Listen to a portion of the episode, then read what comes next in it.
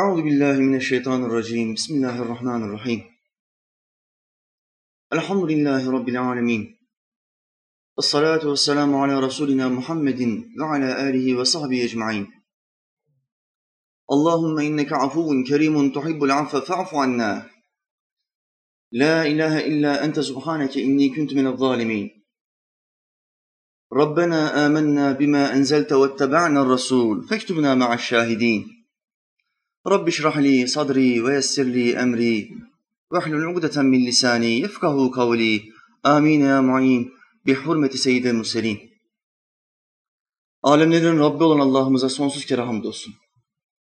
O Allah ki, Adem'in Allah'ı, Nuh'un Allah'ı, Hud'un ve Salih'in Allah'ı, İbrahim'in, Lut'un, İsmail'in Allah'ı, İshak'ın, Yakub'un ve Yusuf'un Allah'ı, Eyyub'un Allah'ı, Şuayb'ın ve Musa'nın Allah'ı, Davud'un, Süleyman'ın, İlyas'ın ve Elyasa'nın Allah'ı, Yunus'un, Zekeriya'nın, Yahya'nın ve İsa'nın Allah'ı.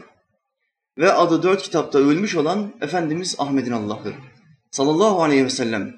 Allah'ın peygamberlerine selam olsun. Allah'ımız, yaratıcımız kelamı kadiminde bize gönderdiği kitapta bir ayetinde şöyle buyuruyor. Eğer içinizden sabırlı yüz kişi olursa 200 kişiye galip gelir.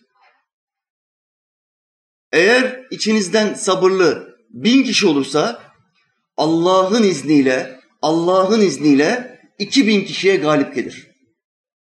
Vallahu me'as sabirin. Allah sabredenlerle beraberdir.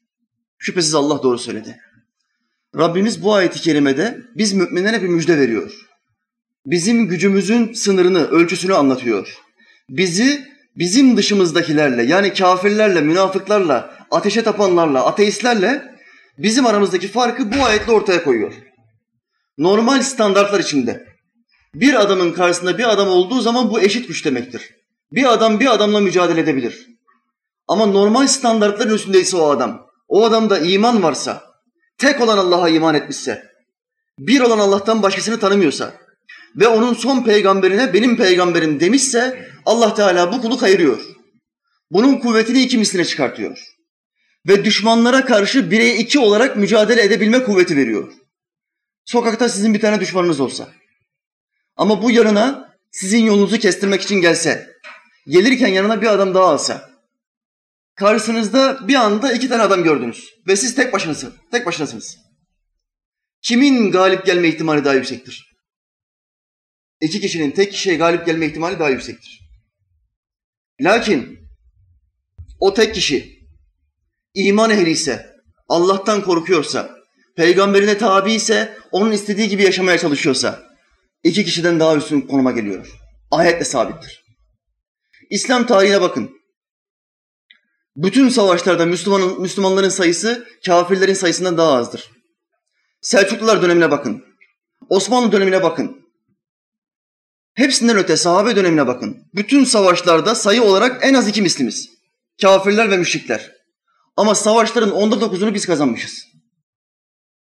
Burada matematiksel bir anlamsızlık var. Çünkü kimin adedi daha fazlaysa normal anlamda bu adamın savaşı kazanma ihtimali daha yüksektir. Ama neden Müslümanlar daha çok savaş kazanmış? Bedir'den örnek vereyim. Kafirler kaç kişiydi? Bin kişi. Müminler kaç kişiydi? 307 kişi. Matematiğe vuralım. Kişi başına kaç kişi geliyor? 3.3 kişi. Bir adamın karşısında 3 artı 0.3 adam var. Kılıçla üçüyle birden mücadele etmeye çalışıyor. Battal Gazi gibi. Kim kazandı savaşı? Müslümanlar kazandı. Nasıl oldu bu iş?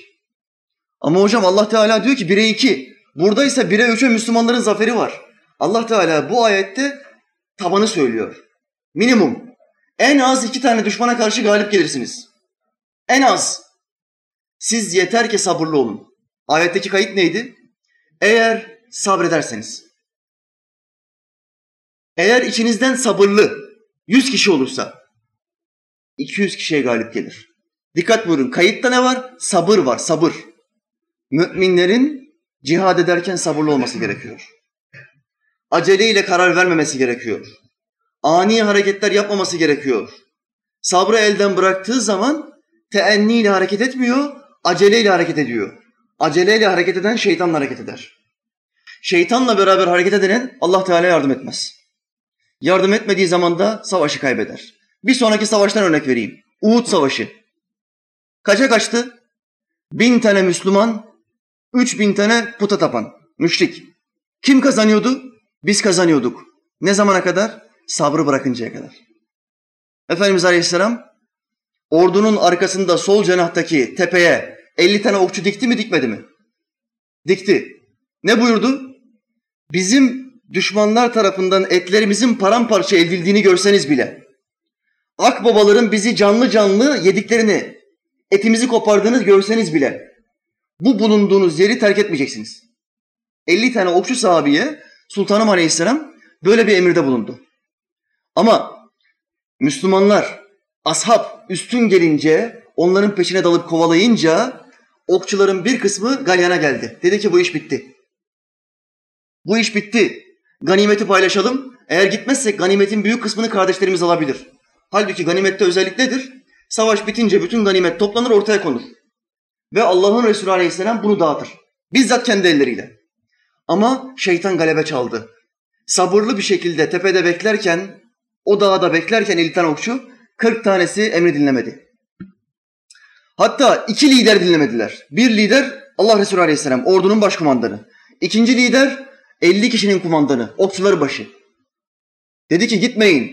Allah Resulü Aleyhisselam'ın sözünü unutmayın. Yapmayın dedi. Ama onlar gittiler. Ve o zamanlar müşriklerin safında olan Halid bin Velid arka taraftan dolandı. Filmdeki sahneyi hatırlarsınız. Arkadan dolandı ve savaşın şekli bir anda dönüverdi. Sabrı terk ettiğin zaman Allah'ın yardımı kesildi. Allah Teala bu savaşta Efendimiz Aleyhisselam'ı ilk defa yenilgi imtihanıyla imtihan etti. Dünyada en sevdiği insan kimdir Rabbimizin? Efendimiz Aleyhisselam'dır. Ama en sevdiği insana bile imtihan vermiştir. Kendisi şöyle buyurur o en sevdiği insanın sallallahu aleyhi ve sellem. Belanın en şiddetlisi peygamberlere gelir. Sonra dava arkadaşlarına gelir. Ondan sonra salihlere gelir. Allah katında belalar böyle dağıtılır. Neden?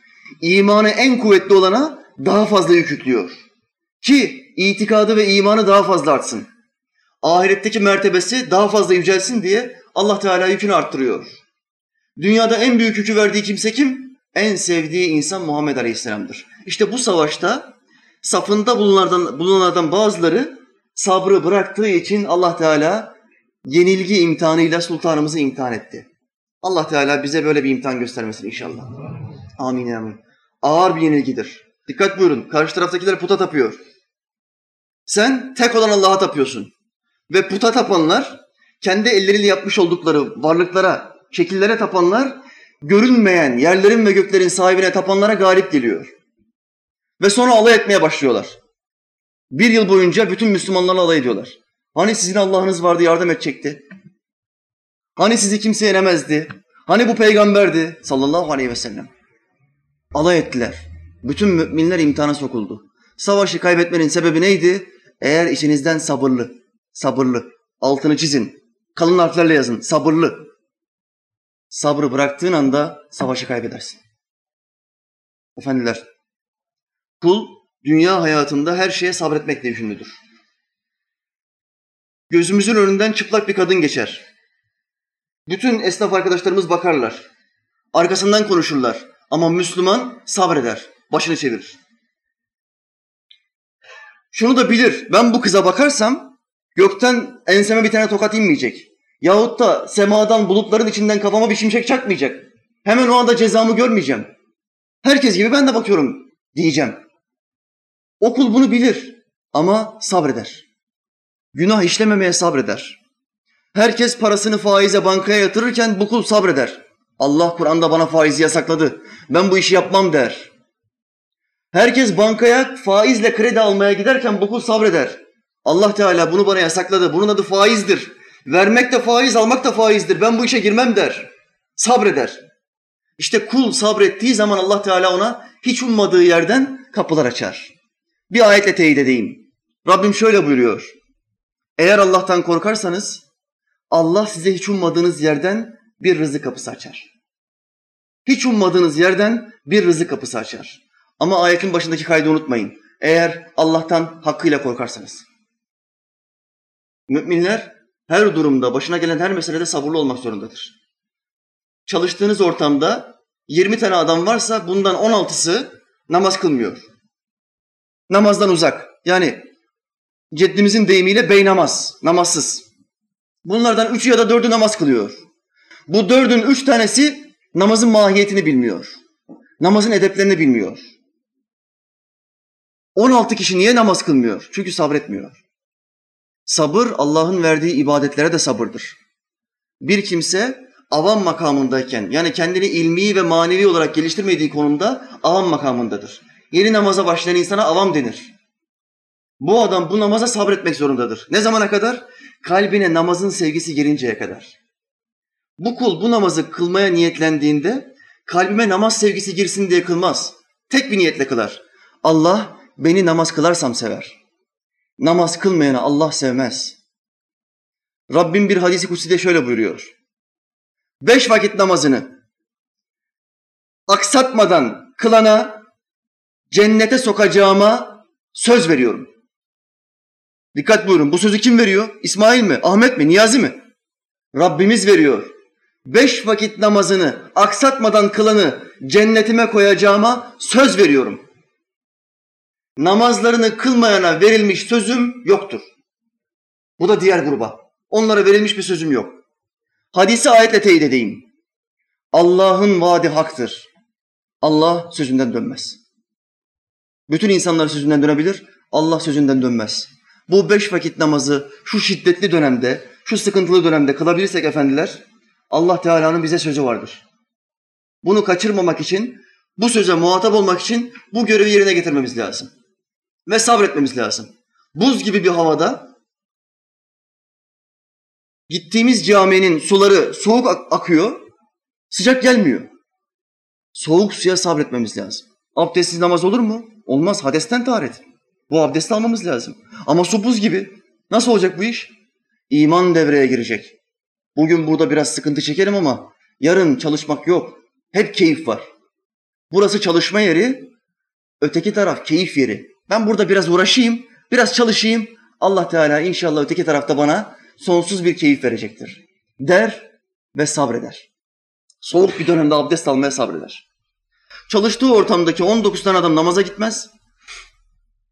Ama bu adam namaza gitmeye sabreder. Ama bitmiyor hocam. Her gün beş vakit kılıyor, bitmiyor. Bitmez. Yemek yemen bitiyor mu? Yaşıyorsan, nefes alıyorsan en şiddetli ihtiyarlık dönemine bile gitsen, erzeli ömürde bile olsan, elin, ayağın, gözün, kulağın tutmuyor. Yemek zorundasın. Yemeğin bitiyor mu? Bitmiyor. Ne zamana kadar? Ölünceye kadar. Bedenin ihtiyacı ölünceye kadar bitmez. Ruhun ihtiyacı da ölünceye kadar bitmez. Bu namazı ölünceye kadar kılmak zorundayız. Hatta ve hatta savaşta bile kılmak zorundayız. Savaşta bile. Savaş bu ya. Namusumuzu koruyacağız, bayrağımızı koruyacağız, vatanımızı koruyacağız. Burada kılmasak olmaz mı hocam? olmaz. Bacağın koptu bacağın. Savaşta bomba düştü yanına. Bacağın koptu. Fıkıhtan bir ölçü vereyim. Bacağın koptu. Tek bacağın duruyor ama sağ bacağın koptu. Oluk oluk kan akıyor. Namazın vakti geçiyor. Ezan okunacak az sonra. Seni aldılar geri tarafa koydular.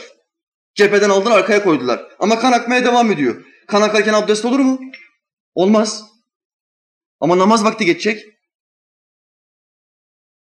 Özürlü sayılır namaz vakti geçmesine yakın bir zamanda hala kan akmaya devam ediyorsa İslam'da bu adama özürlü adam denir. Abdestini alacak 10 kilo bile kan aksa bu adam namazını kılacak. Kaçacak yeri yok. Bir kadın düşünün. Doğum sancıları çekiyor. Ama henüz doğurmadı. İkindi ezanı okudu. Bu kadın bu namazı gözleriyle kılmak zorunda. Daha çocuk dünyaya gelmedi ölümden daha beter bir acıyla savrulmasına rağmen Efendimiz Aleyhisselam'ın deyimiyle çocuğu doğururken ölürse şehit olacak. Böyle bir acı çekiyor kadın. Böyle bir acıda olmasına rağmen namaz bu kadından kalkıyor mu kalkmıyor mu? Kalkmıyor. Ne zamana kadar? Çocuğu doğurduğu anda 40 gün boyunca namaz bu kadına yasak. Allah Teala namazı bu kadından 40 gün boyunca kaldırıyor. Peki 40 gün sonra kaza eder mi hocam? Etmez. Kadında böyle bir özellik vardır. Oruçlarını kaza eder, namazlarını kaza etmez. Şimdi bazı sapık hocaları duyabilirsiniz. Hiç gerek yoktur. O durumdayken bile namazını kılabilir diyen sapık insanlar duyarsınız. Bunlar mezhep dışı, ehli sünnet dışı sapkın gruplara hizmet eden insanlardır. Allah Teala bunların şerrinden bizi korusun inşallah. Amin ya amin. Ehli sünnetten kıl kadar ayrılan televizyonlarda gördüğünüz sapık hocalara döner. Allah hidayet etsin. Dolayısıyla kul dünyada başına gelen her şeye sabretmesi gerekiyor. Sabretmediği zaman Allah'ın yardımı gelmez. Dolayısıyla her namazımızdan sonra Rabbimize imanla ölmenin dışında bir duada bulunacağız. Allah'ım bize sabır gücü ver. Bize sabır ahlakı ver. Ki senin bizi sınav ettiğin, imtihan ettiğin anlarda sabredebilelim. Edeplice davranabilelim. Biz kulların bu şekilde dua etmesi lazım geliyor. Allah Teala şaşırınlardan etmesin inşallah. Amin ya amin.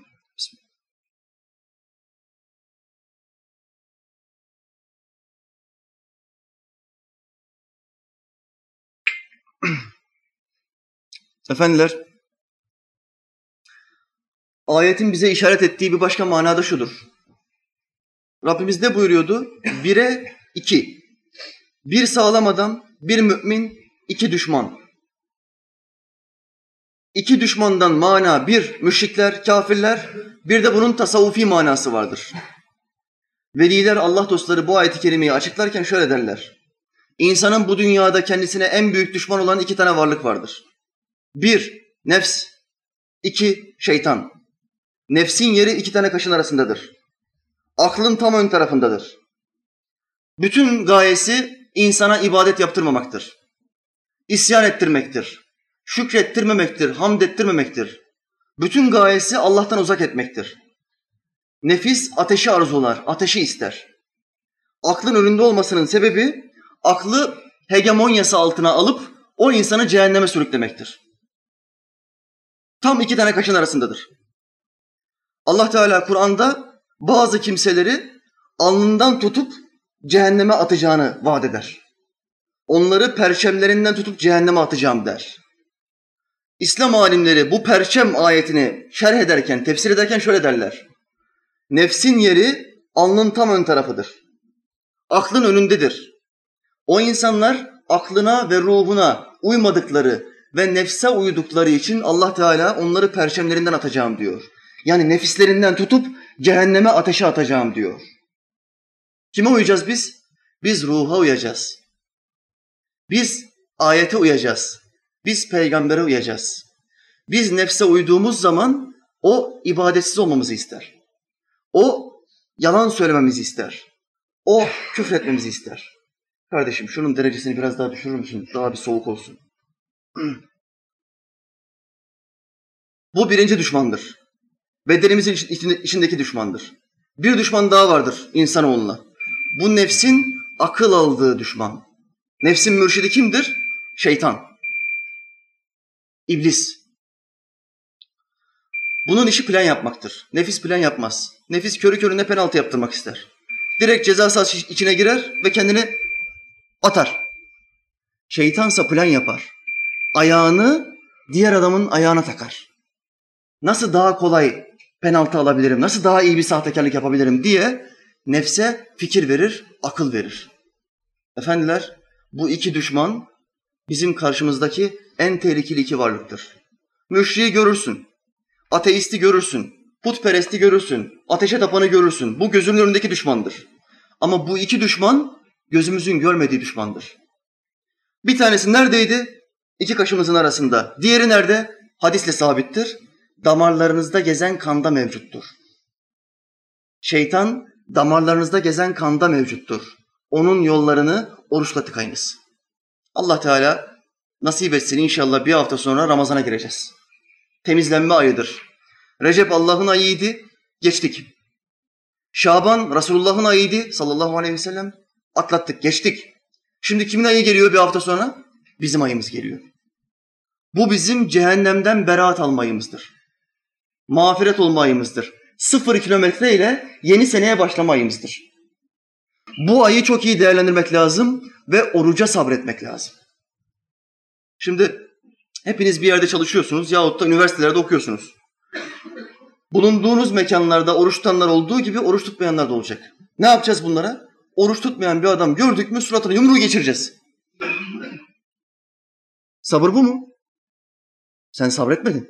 Sabredeceksin. Allah Teala Kur'an'da buyurmuyor mu? Ben cenneti şunlar için yarattım, cehennemi bunlar için yarattım. Emirlerimi tutanları cennete koyacağım, emirlerimi tutmayanları, bana asi olanları cehenneme koyacağım.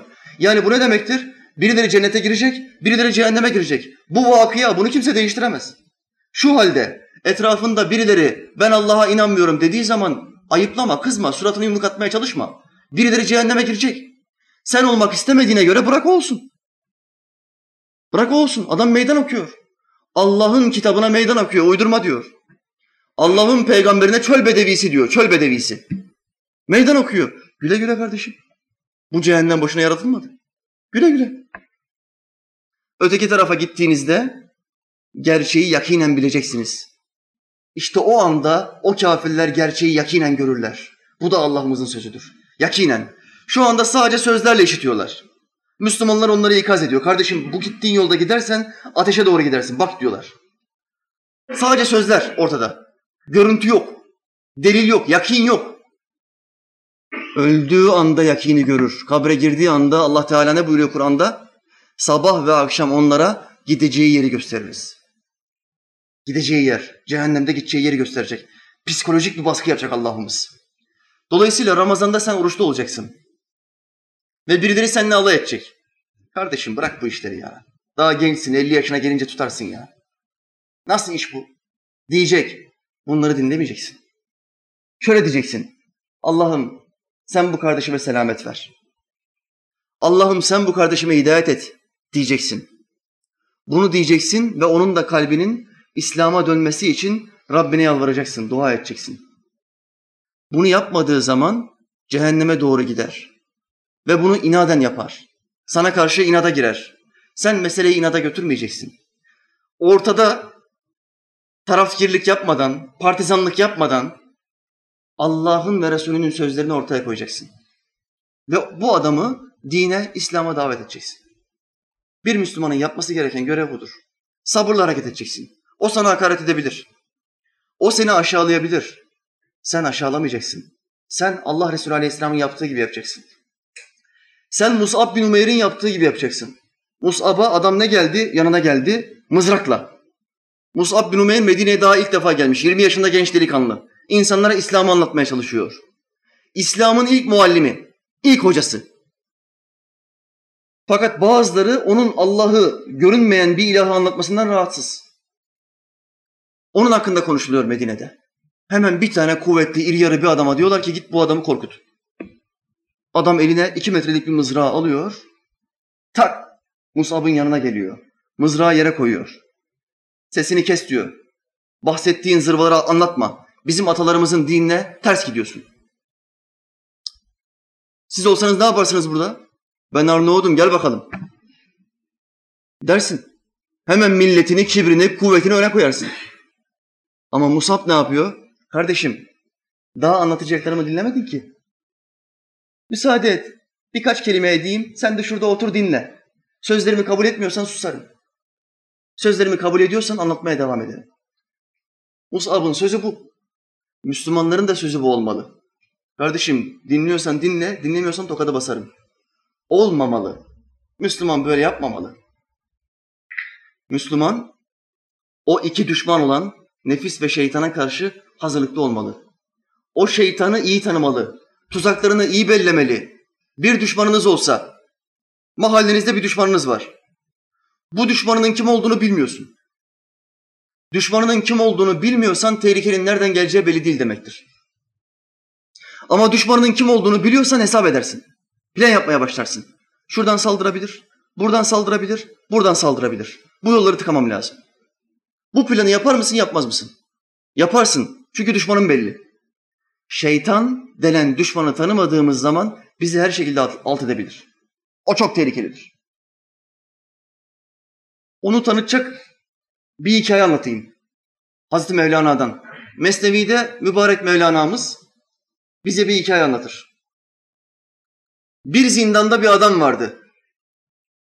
Adam aç bir adamdı. Gözü doymayan, tamahkar bir adamdı. Bir müflisti.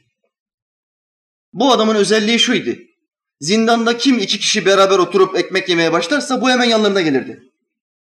Bir nevi güncel deyimle yancı gibi. Hani iki tane adam çay ocağına gider otururlar çay içerler. Başka birisi de yanına gelir. Bir çay ısmarlasana. Şuradan bir bisküvit alsana. Yancı. Bu da müflis bir adam. Kim ekmek yiyor, kim bulgur yiyor, pilav yiyor tak yanlarına geliyor. Kardeşim bir parça koparsana. Yancı, müflis. Zindandakiler devamlı olarak ekmeklerini gizleyemeye başladılar. Bu adamdan tiksindiler. Davetsiz bir sinek gibi nerede bir sofra kurulsa bu adam şıp diye atlıyordu. Ama kovamıyorlardı. Sineği kovarsın, öldürürsün. Bu adama bir şey yapamıyorsun. En sonunda zindandaki mahkumlar şikayete gittiler. Kadının vekili zindanı ziyarete geldi. Kadı vekiline dediler ki efendi Allah rızası için sende bir ricamız var, bir dileğimiz var. Zindanımızda bir müflis vardır. Çok aç gözlüdür. 60 kişinin yiyeceği bu adamı doyurmuyor, besmelesiz yiyor. Allah aşkına şu adamı çıkartıyor musunuz, asıyor musunuz, öldürüyor musunuz? Ne yaparsanız yapın bu adamı bu zindandan çıkartın dedi. Kadı vekili dedi ki ben bir kadıyla görüşeyim. Kadı demek o beldenin valisi demektir. Beldenin valisine gitti, görüştü. Vali dedi ki o adamı bana getirin. O müflis adamı valinin karşısına çıkarttılar. Herkes senden şikayetçi kardeşim dedi. Sen ne kadar pislik bir adamsın ya. Kim nerede bir sofra kursa yanına atlıyorsun. Hemen bir şeyler kopartmaya çalışıyorsun. Ne doymaz adamsın sen ya dedi.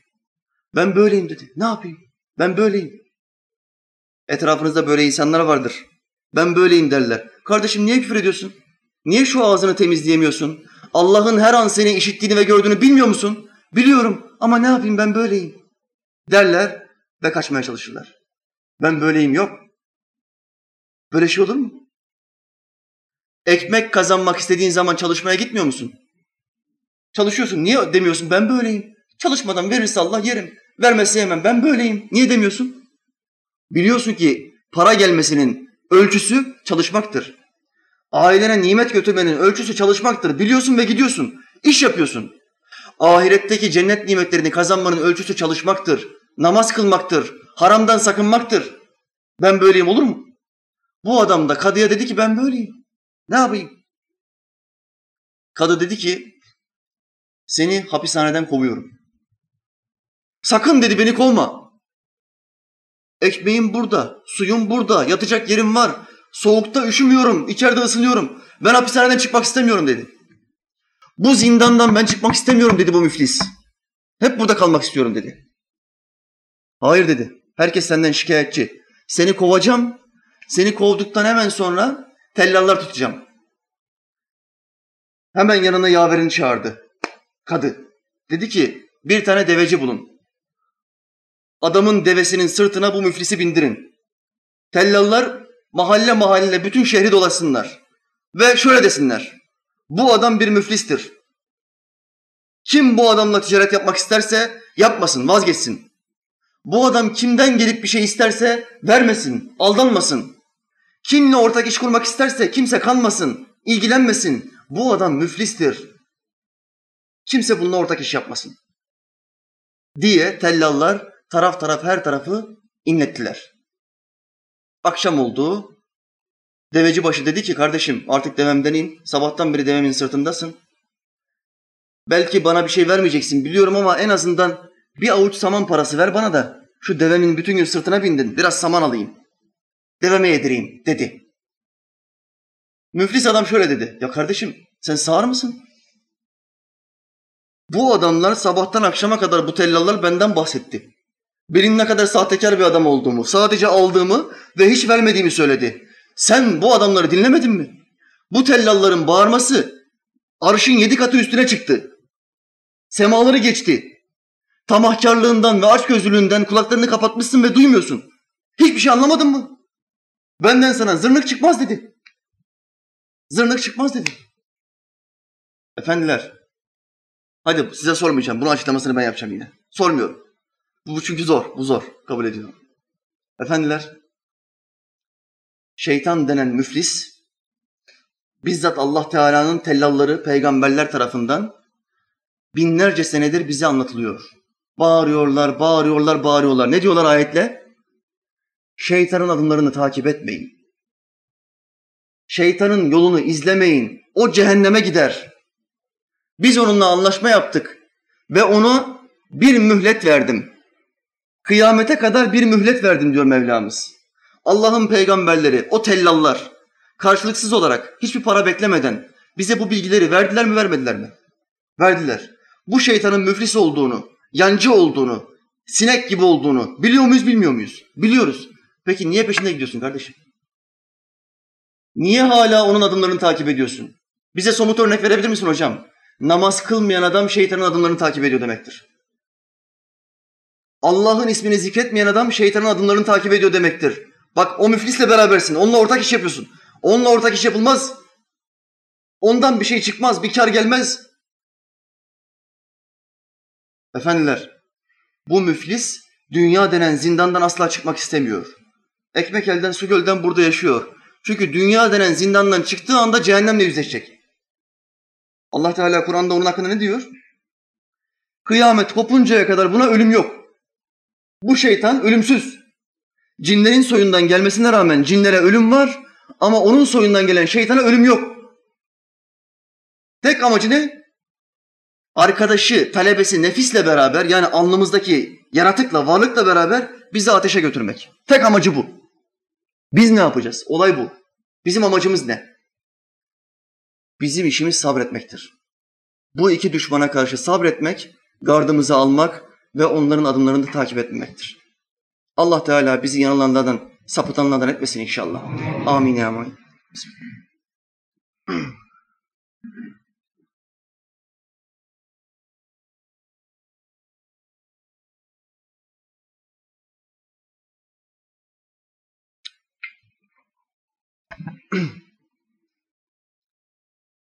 Aynen bu müflis şeytan gibi günümüzde, ülkemizde şeytanın askerliğini yapan ilim adamları vardır.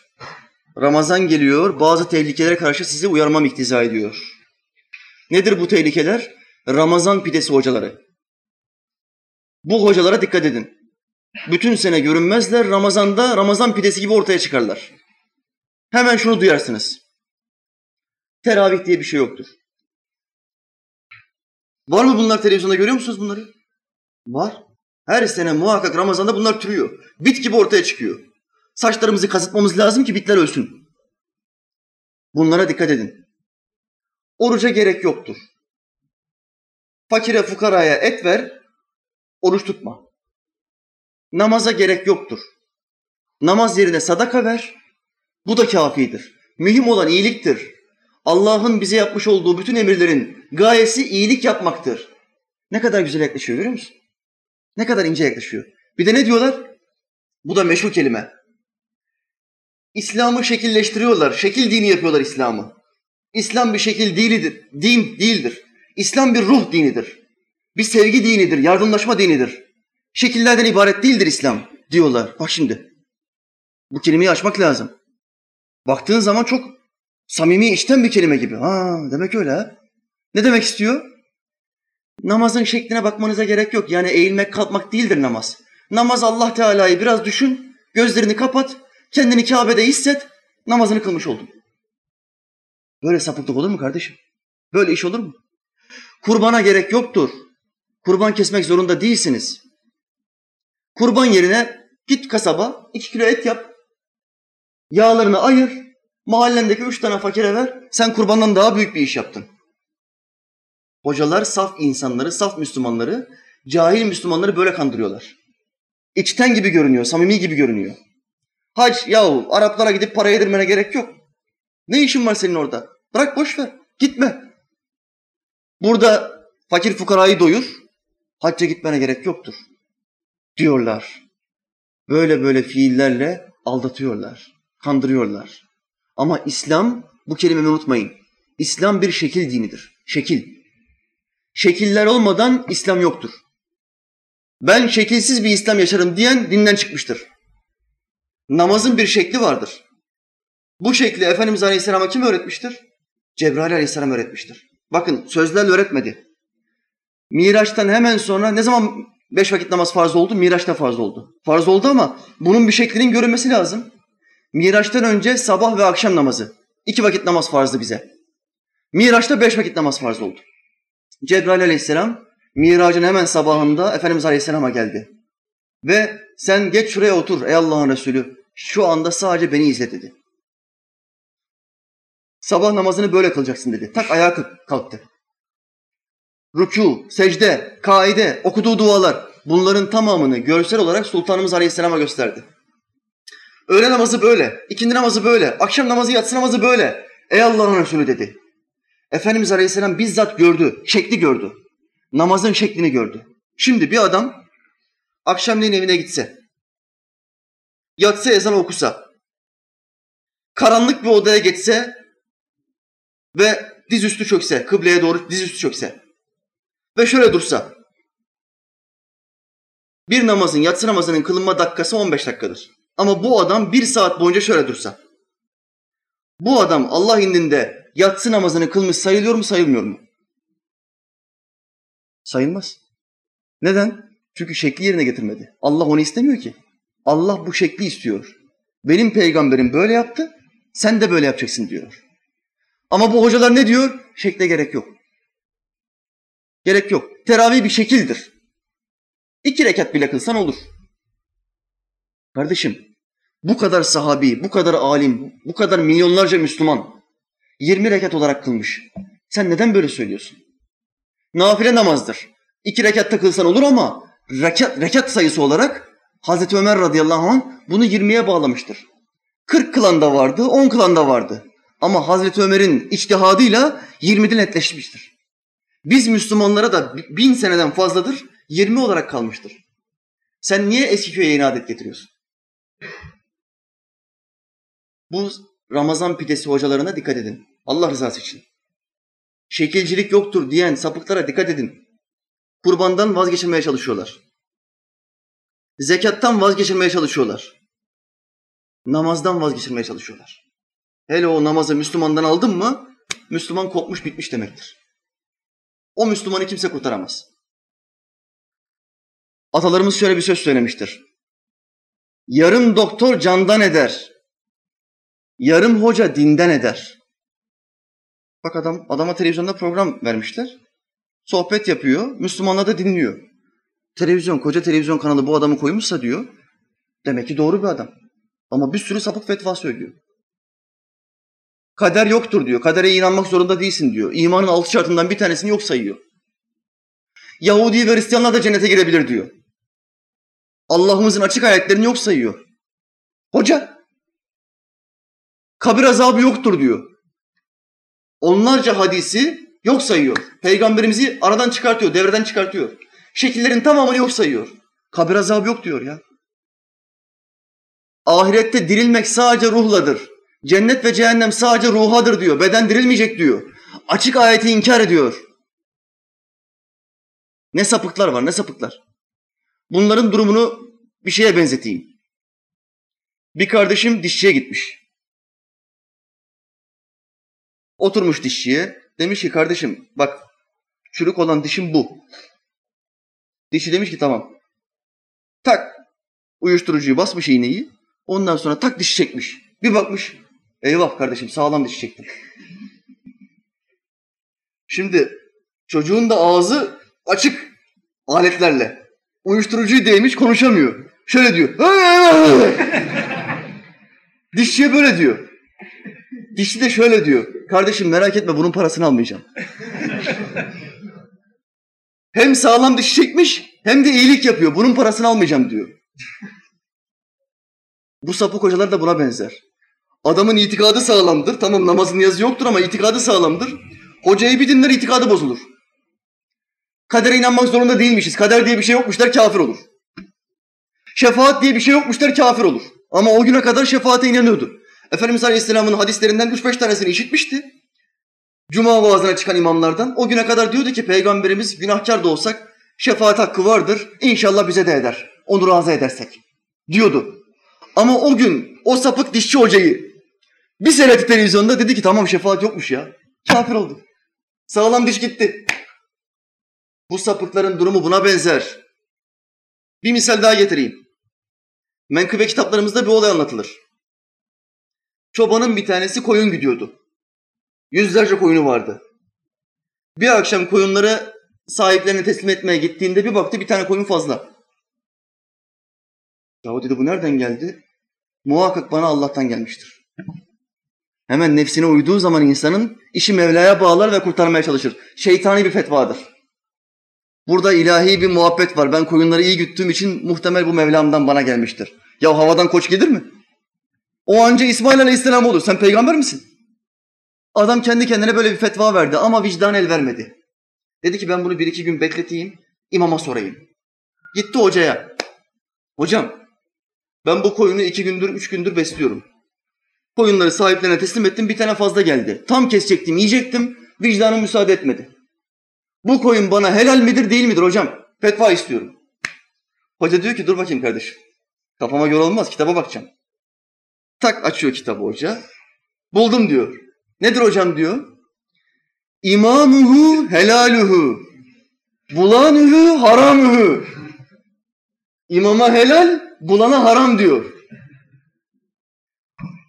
Çoban şöyle diyor, ya hocam iyi güzel de ben iki üç gün bu koyuna baktım, yedirdim içirdim diyor. Köşesinden bucağından bir şeyler bize düşmez mi diyor. Bir dakika diyor, kafamıza göre olmaz. Kitaba bakayım. Buldum diyor. Vela bacak, vela saçak. Küllü imamın olacak. Hepsi imamın. Sana hiçbir şey yok. Nefsine göre hareket eden hocaya gidersen böyle sapıtırsın. Sapıtırsın. Mezhep imamına gerek yok. Sahabilere gerek yok. Hadislere gerek yok. E hocam detayları nereden öğreneceğiz? Benim kitaplarımı al. Kitaplarımı al, ucuzdur. Allah size hidayet etsin be. Allah sizi bulunduğunuz bataklıktan kurtarsın inşallah. Bak beddua etmiyorum. Beddua etmiyorum, hayır dua ediyorum. Hele bir tanesi var. Yüzüklerin Efendisi'nde bir karakter var. Saruman. Bilir misiniz? Tipi aynı Saruman'a benziyor. Bu kadar itici. Kötü karakter, kötü büyücü. Aynı buna benziyor. Tiksinti veriyor. İslam'ı anlatan bir adamdan tiksinir misin ya? Mümin firasetle bakar. Bir adam İslam'ı anlattığı zaman kalbi ona akar, muhabbet duyar. Ama bu adam İslam'ı anlattı mı tiksiniyorsun. Neden? Çünkü bozuyor. Çünkü Allah Resulü Aleyhisselam'ı aşağılıyor, devreden çıkartıyor. Ona yalancı diyor. Hocam öyle şey olmaz ya. Kardeşim şefaat yoktur diyen adam peygamberimizi yalancı diyor demektir. Bu kadar basit. Sırf benim ezberimde 20 tane hadis vardır şefaatle alakalı. 20 tane hadis. Sadece benim gibi aciz bir adamın bildiği. Belki araştırsam 40 tane 50 tane bulurum. O kadar ayeti inkar ediyor, o kadar hadisi inkar ediyor. Diyor ki ben peygamber yalancı demem. Allah Teala bu gibi sapkınlara hidayet versin, izan versin inşallah. Amin amin. Bismillahirrahmanirrahim.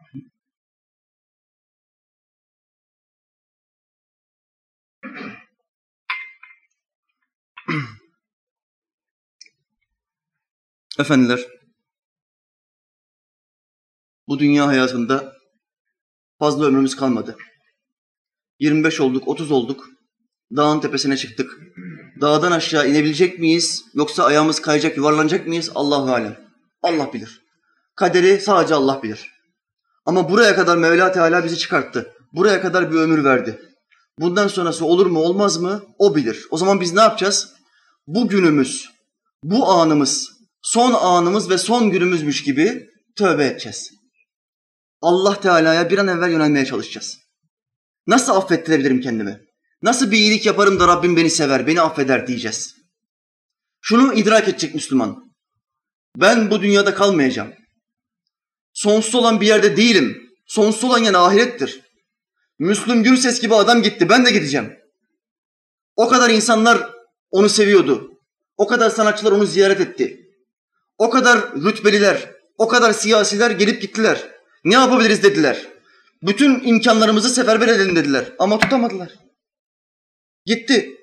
Müslüm gittiyse sen de gideceksin. Ben de gideceğim. Hiçbirimiz durmayacağız kardeşim. Durmayacağın bir yer için bulunacağın kadar hazırlık yap. Gideceğin yer için hazırlık yap. Önemli olan bu. Bir halı saha maçına bile gidiyorken rugandan bir ayakkabıyla kumaş pantolonla gitmezsin. Ne yaparsın? Diz altı bir şort alırsın. Şeriatta ehlisin sen. Diz üstü olmaz. Diz altı. Spor ayakkabı alırsın. Üstüne bir tişört alırsın. Halı sahaya giderken bile hazırlık yapıyorsun. Kabre girerken insan hiç mi hazırlık yapmaz? Hiç mi hesap kitap yapmaz? Hiç mi Allah Teala'dan korkmaz? Mümin her anında ölümü düşünmek zorundadır. Her zaman bunun hesabını yapar. Çünkü ölümü düşünmek kalbi temizler. Kalbi ferahlatır. Bir adam tasavvuf yoluna girdiği zaman ona bir rabıta tavsiye ederler. Nedir bu rabıta? Rabıta-i mevt, ölüm rabıtası. Rabıta-i şeriften önce gelir. Her gece yatmadan önce beş dakika, on dakika ölümü düşüneceksin. Azrail sana geliyor ve sen şehadet getirip ruhunu teslim ediyorsun. Ondan sonra ev ahalisi sana Kur'an okumaya başlıyor. Seni alıyorlar ve yıkamaya götürüyorlar. Sonra seni tabuta koyuyorlar kefenledikten sonra.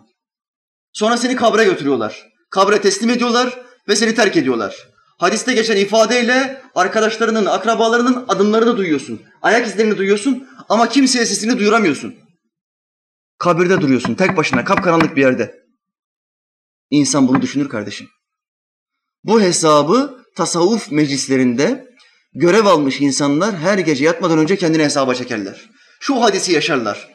Ölmeden önce ölünüz, hesap vermeden önce hesap veriniz. İşte mümin bu hesaplar üzere yaşar ve ölümü kendine yakın bilir. Kardeşlerden bir tanesi anlatıyor. Babamla beraber diyor arabayla bir yere gidiyoruz. Sabah işe gidiyoruz diyor. Bir tane poğaçacı ani bir şekilde önümüze çıktı. Poğaçacı. Sabah sabah poğaça dağıtmaya çıkmış. Babam da diyor ani fren bastı. Poğaçacının yanında durduk.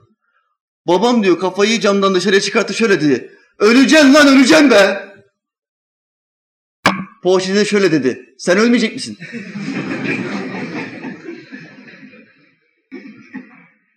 Poğaçacı deyip geçme.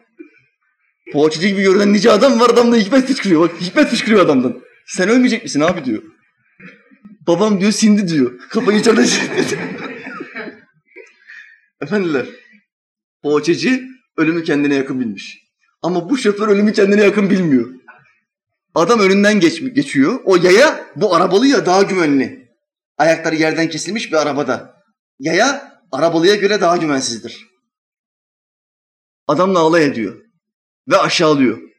Ama poğaçacı hikmetli ve güzel bir cevap veriyor. Buradan kıyas edin. Mümin çok ince düşünür, çok hassas düşünür ve ölümle beraber, ölüm tefekkürüyle beraber kalbini temizlemeye başlar. Allah dostlarından bir tanesi şöyle buyuruyor. Allah Teala bir kelimeyle bizden bütün alışkanlıklarımızı terk etmemizi istiyor.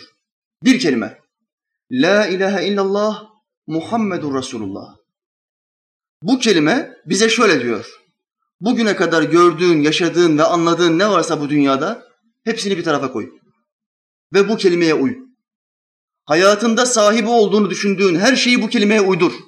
Eğer sahibi olduğunu düşündüğün şeyleri bu kelimeye uydurmazsan senin gideceğin yer cehennemdir. Yakine ermen gerekiyor. İmani yakinliğe ermen gerekiyor. Öyle bir yakin ereceksin ki Allah'ın kudretinden zerre kadar şüphen olmayacak.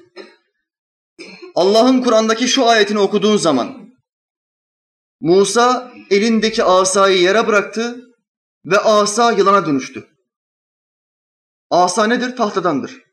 Ağaçtan yapılmıştır. Tahta yılana dönüşür mü?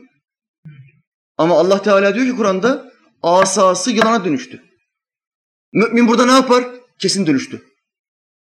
Şüphe duymaz. Buna yakini iman denir. Mümin bilir ki Allah'ımızın bir ismi kadirdir. Her şeye kadir demektir.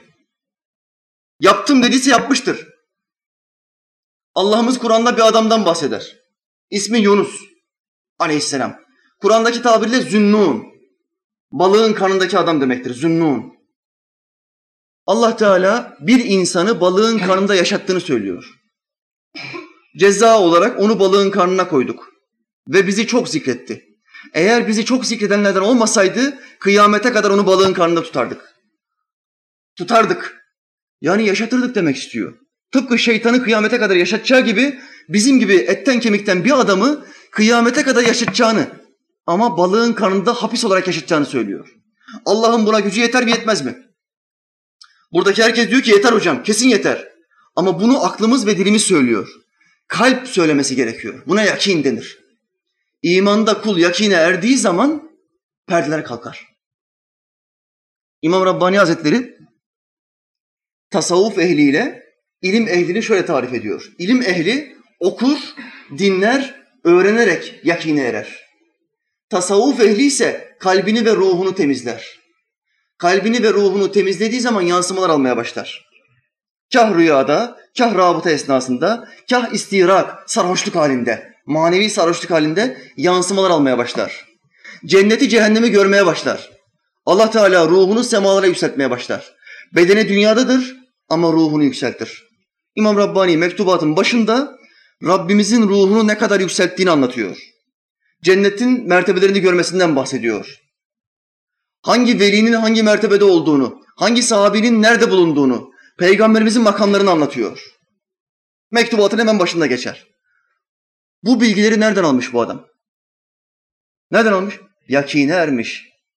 Nefsini ve ruhunu öyle bir parlatmış ki Allah Teala onu sevmiş ve cezbetmiş. Cezb demek mıknatısın demiri çekmesi gibi demektir. Allah bir kulu sevdiği zaman çeker. Yakın eder. Hadisi kutsiyle anlatayım. Kulum bana bir karış yaklaşırsa ben ona bir arşın yaklaşırım. Kulum bana bir adım gelirse ben ona on adım giderim. Ufak bir adım olduğu zaman kuldan Allah Teala uzun adımlar, uzun mesafeleri kapatır. Kuldan ufak bir gayret lazımdır. İşte bu gibi veliler büyük gayret yaptıkları için Allah Teala onları yakini imana erdirmiştir. Yakini imana ermek için birkaç şart lazımdır. Bunlardan bir tanesi insanları bu yakine, bu kelimeye davet etmektir. Kardeşim Allah'tan başka bir ilah yoktur. Gel kalbinde ondan başka beslediğin bütün sevgileri yok et. Herkesten daha çok çalış. Herkesten daha güzel nimetlere sahip ol. Ama bunları kalbine sokma. Kalbinde Allah'tan başka kimseye yer olmasın. Rabbimizi her şeyin önüne koy. Buna la ilahe illallah denir. Hemen sonraki kelime nedir? Bu kelime olmadan olmaz. Muhammedun Resulullah gelmeden sallallahu aleyhi ve sellem. O adamın kurtuluşu yoktur. Çünkü İslam'ın şekil yönünü Muhammedun Resulullah bize öğretir. Resulullah böyle yaptı. Resulullah burada tebessüm etti. Resulullah burada suyu verirken böyle yaptı. Suyu içerken besmele çekti. Bitirdiği zaman elhamdülillah dedi. Bunların tamamı Resulullah'ın şekilleridir. Bize her şeyi şekille göstermiştir. Hal ve hareketle göstermiştir. Bizim de yapmamız gereken onun yaptığı şekillerin aynısını taklit etmektir. İşte insanları buraya davet ettiği zaman sendeki yakin artar. Yeter mi? Yetmez. İnsanları davet ediyorken yalnız başına kaldığında da kendini kontrol edeceksin. Ben insanlara İslam'ı anlatmaya çalışan, insanları Allah'a götürmeye çalışan bir insanım. Fakat bu işi yaparken niyetim gerçekten Allah rızası mı? Yoksa dünyevi menfaat mi bekliyorum? Kalbimde dünyevi menfaat adına sevgi var mı? Bir beklenti var mı? İnsanlar bana hürmet etsin, saygı göstersinler, paralarını alayım, paralarını toplayayım.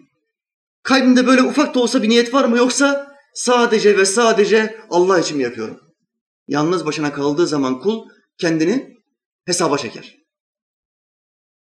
Bu hesabı yapmaya devam ettiği zaman buna murakabe denir tasavvufta. Yakini artar. Yakini artar. Bir başka maddede nedir? Ağlar, gözyaşı döker. Günahlarına devamlı tövbe eder. Hizmetine gelen, hizmetini dinleyen insanlar on kere tövbe ederse, hizmet eden yüz kere tövbe eder. Çünkü o bir kaptandır. Tayfa öldüğü zaman gemi devam eder. Kaptan öldüğü zaman gemi batar. Bu yüzden kaptanın şeytanı çok olur. Kaptana çok dua ve çok yardım lazımdır. Bunlar yakine ermenin işaretleridir. Alışkanlıklarımız tehlikelidir. Şu dünya hayatında nelere alıştığınıza çok dikkat edin. Özellikle televizyon izlerken şeytan bize her şeyi normal göstermeye çalışıyor. Onun özelliği Allah Teala ona bir kuvvet verdi. Nedir o? Kötü şeyleri güzel gösterebiliyor, güzel şeyleri kötü gösterebiliyor. Televizyonu açtın, kanalları çeviriyorsun. Tak bir sahne geldi. Erkek kıza cama işaret ediyor. babana atlat akşamleyin gezmeye çıkalım diyor. Babası da diğer odada duruyor. Kapıyı ha açtı ha açacak. Sen de diziyi izliyorsun, filmi izliyorsun. Kalbinden şöyle bir düşünce geçiyor mu geçmiyor mu? Kapıyı açma. Bırak erkekle kız görüşsün. Kapıyı açma. Yakalama bunları. Bırak zina dolu bir hayata açılsınlar. Bırak serbestçe her şeyi yapabilsinler. Yolun ortasında öpüşsünler, çiftleşsinler. Bırak. Kalbinden böyle bir düşünce geçiyorsa sen buna alışmışsın demektir. Kalbin kirlenmiş. Halbuki iman ehli bir adamın kalbinde böyle bir düşünce olmaz. Bir haramı gördüğü zaman kalbinde buz olur. Tiksinti gelir. Ondan razı gelmez. Ondan hoşlanmaz. Tak çevirir. Bu fiilde güzellik var mı? Yani nikahı düşecek olan bir erkekle bir kız nikahsız bir şekilde görüşüyorlar. Erkek kızı bir yere gezmeye davet ediyor. Bu fiil İslam'a uygun mu? Değil. Ama dizi yahut da izlediğimiz film bu olayı bize öyle bir anlatıyor ki meşru. Aşk varsa her şey meşru gibi. Aşk varsa serbest gibi anlatıyor. İzleyen de diyor ki bunların birleşmesi lazım. Yeter bu hasretlik be. Birleşin gayri. Birleşin artık ya. Diyor. Kalbi harama meylediyor. Ve kalp ve ruh ve nefis pisliğe alışıyor. Yavaş yavaş pisliğe alışıyor. Ondan sonra yolda bir kız gördüğü zaman o kızın karşısında yumuşamaya başlıyor. Ve onunla yakın olmak istiyor. Çünkü normalleşti.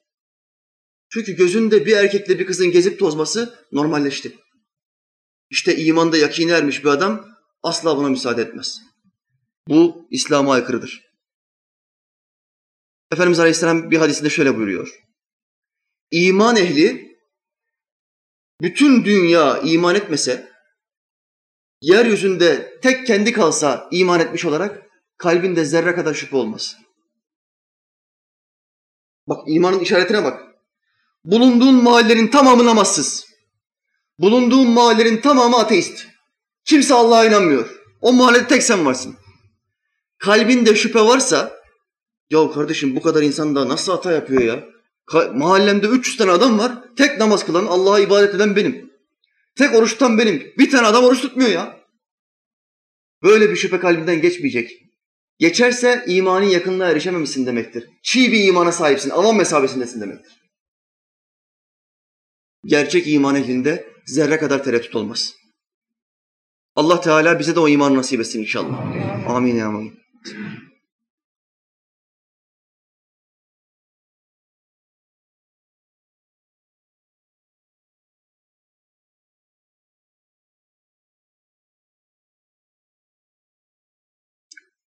Efendiler, Allah Teala gireceğimiz Ramazan'ı bizden razı etsin. Ramazan'ı layıkıyla yaşamayı bize nasip etsin inşallah. Ramazan'la alakalı bir mesele anlatayım kapatalım. Hafta arası bir yere doğru giderken tanımadığım bir adam yolumu çevirdi. Bana şöyle dedi. Hocam bir soru soracağım. Adamı tanımıyorum. Muhtemel internetten falan görmüştür. Buyur kardeşim dedim. Ben dedi Aleviyim. Biz Ramazan'da oruç tutmayız. Burada hata ediyor. Çünkü Alevilerin bir kısmı Ramazan'da oruç tutarlar tıpkı bizim gibi. Ama bu genelleme yaptı. Biz Ramazan'da oruç tutmayız. Sanki onlarda Ramazan'da oruç tutmak yasakmış gibi. Peki kardeşim evet. Biz aşurada oruç tutarız 10 gün. Ve orucumuzda et yemeyiz. Su içmeyiz. Bunun dışındakileri yeriz dedi.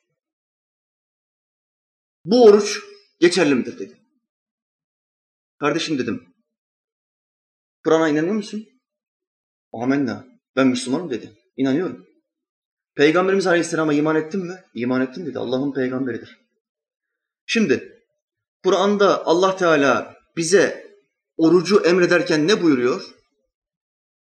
Ey iman edenler! Oruç sizden önce gelip geçmiş ümmetlere farz kılındığı gibi size de farz kılındı. Umulur ki sakınırsınız. Muhammed ümmetine aleyhissalatü vesselam oruç bu ayetle farz kılındı. Ama bu ayetten biz bir şey daha anlıyoruz. Bizden önce gelmiş gitmiş ne kadar ümmet varsa bunların tamamına da oruç farzdı.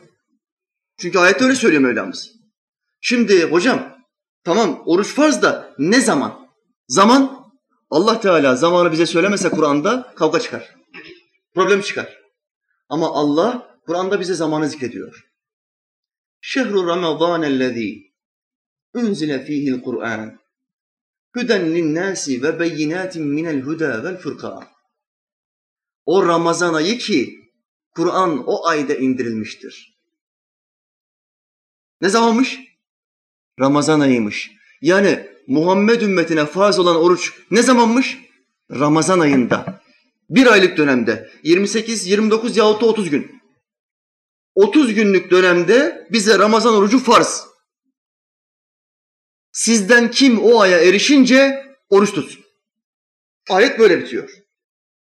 Herhangi bir Müslüman Ramazana girdiği anda Ramazanın sonuna kadar o ay çıkıncaya kadar oruçlu olmak zorunda. Şimdi temsil getiriyorum. Bir adam 11 ay, Ramazanın dışındaki 11 ay oruç tutsa ama Ramazan'da oruç tutmasa Allah bu adamı sever mi sevmez mi? Sever hocam. Niye kardeşim? Çünkü 11 ay tuttu. Burada ise bir ay tutacaktı. Yanlışsın. Bu matematik değildir. Burada emir vardır. Emir şu ayda tutacaksın. Şu ayda. O ay nedir kardeşim dedim. O ay Ramazan'dır. Ayetle sabittir. Ramazan ayındaki oruç farzdır. Aşura orucu da 10 gün değildir. Allah Resulü Aleyhisselam'ın tebliğiyle ve bize gösterdiği şekliyle 9. gün, 10. gün ve 11. gündür. Sultanımız Aleyhisselam ne buyuruyor? Ramazanın dışında Allah'ın en sevdiği oruç aşura orucudur. Nafiller içinde en üstün oruç hangi oruçmuş? Aşura günü tutulan oruçmuş. Dokuzuncu gün, onuncu ve on birinci gün tutulan oruç. Ama bir adam bütün sene aşura ile birlikte oruç tutsa Ramazan'ın borcunu kapatmış olur mu? Olmaz. Bu Ramazan'ı tutmamasının tutmaması sebebiyle bu adama azap var mıdır yok mudur? Ateş vardır o adama. Çünkü Allah'ın emrini dinlemiyor. Allah'ın emrini dinlemiyor. Neye benzer? 90 dakika başlamadan ısınma turları içinde kaleye gol atan ısınan topçuya benzer. O goller gol değeri kazanıyor mu? Boyuna ısınıyor. Kaleci orada diyor ki at bana diyor at at. Bu da ısınırken tak kaleye şut çekiyor. 30 tane şut çekiyor 15 tanesi gol oluyor. Skorboarda yazılıyor mu Fenerbahçe 15 diye? Yazılmıyor. İstenilen zamanda atmadın mı o ağa topu? Geçersizdir. Allah'ın istediği zaman da Ramazan ayıdır. Bu ayda gol atacaksın. Bu ayda oruç, oruç tutacaksın. Bu ayın dışında tuttuğun oruçların tamamı nafile oruçtur. Kardeşim dedim. Bu kardeşimiz dedi ki aklıma yattı. Aklıma yattı hocam. İnşallah bu sene 30 gün tutacağım dedi. Aynı mesela askerde de bir kere başından geçmişti. Yine böyle bir kardeşimiz vardı. Elhamdülillah onun da Kur'an öğrenmesine ve hayatında ilk defa 30 gün Ramazan orucu tutmasına vesile olmuştuk. İnşallah buna da vesile oluruz. İnşallah. Allah Teala bize İslam'ı doğru öğrenip doğru anlatmayı nasip etsin. Amin. Kalbimize, göğsümüze genişlik versin. Amin. İnsanlara vesile olmayı nasip etsin. Amin. Bu öyle bir nimettir ki bir adam Ramazan orucunu senin vesilenle 30 gün boyunca tutarsa tuttuğu her orucun sevabının bir misli senin amel defterine yazılır. Hayatının geri kalan bölümünde her sene Ramazan'da oruç tutarsa ilk vesileyi sen olduğun için, olaya giriz, girizgahı sen yaptığın için Allah Teala sevabının bir mislini sana aktarır. Ve onun sevabından hiçbir şey eksilmez. Peygamber hadisiyle sabittir. Bir adamın namaza başlamasına vesile olursanız, kıldığı her namaz, ölünceye kadar kıldığı her namazın sevabının bir misli size yazılır. Bu tebliğ bu kadar önemli bir iştir. Efendiler, bu sebeple bize ilim şarttır. Bize edep öğrenmek şarttır. Bu ilmi ve edebi aklımıza ve ruhumuza indirebilirsek Allah'ın izniyle çok insana vesile oluruz. İslam'ı öğrenirler, bize de hayır dua ederler. Melekler gökyüzünde ismimizi zikrederler, bizden bahsederler. Hani insanlar bu dünyada ne için uğraşıyor? İnsanların en çok peşinde koştuğu şey şehvet değildir bu dünyada. Bu dünyada insanların en çok peşinde koşturduğu şey şöhrettir. Şöhret, tanınma, bilinme isteğidir. Allah Teala bu isteği içimize vermiştir. Biz size diyoruz ki insanların övdüğü adam olmak için uğraşmayın. Biz size diyoruz ki meleklerin övdüğü adam olmak için uğraşın. Çünkü melekler bizzat Allah'a överler. O kulu Allah'a tazim ederler, överler. Allah'ım bu kulun böyle böyle insanlara vesile oldu derler. Allah Teala bize nasip etsin inşallah. Amin ya muin. İmam Rabbani şöyle der. Aranan hazinenin yolunu gösterdim sana. Belki sen kavuşursun. Biz varamadıksa da. Velhamdülillahi Rabbil alemin. El Fatiha.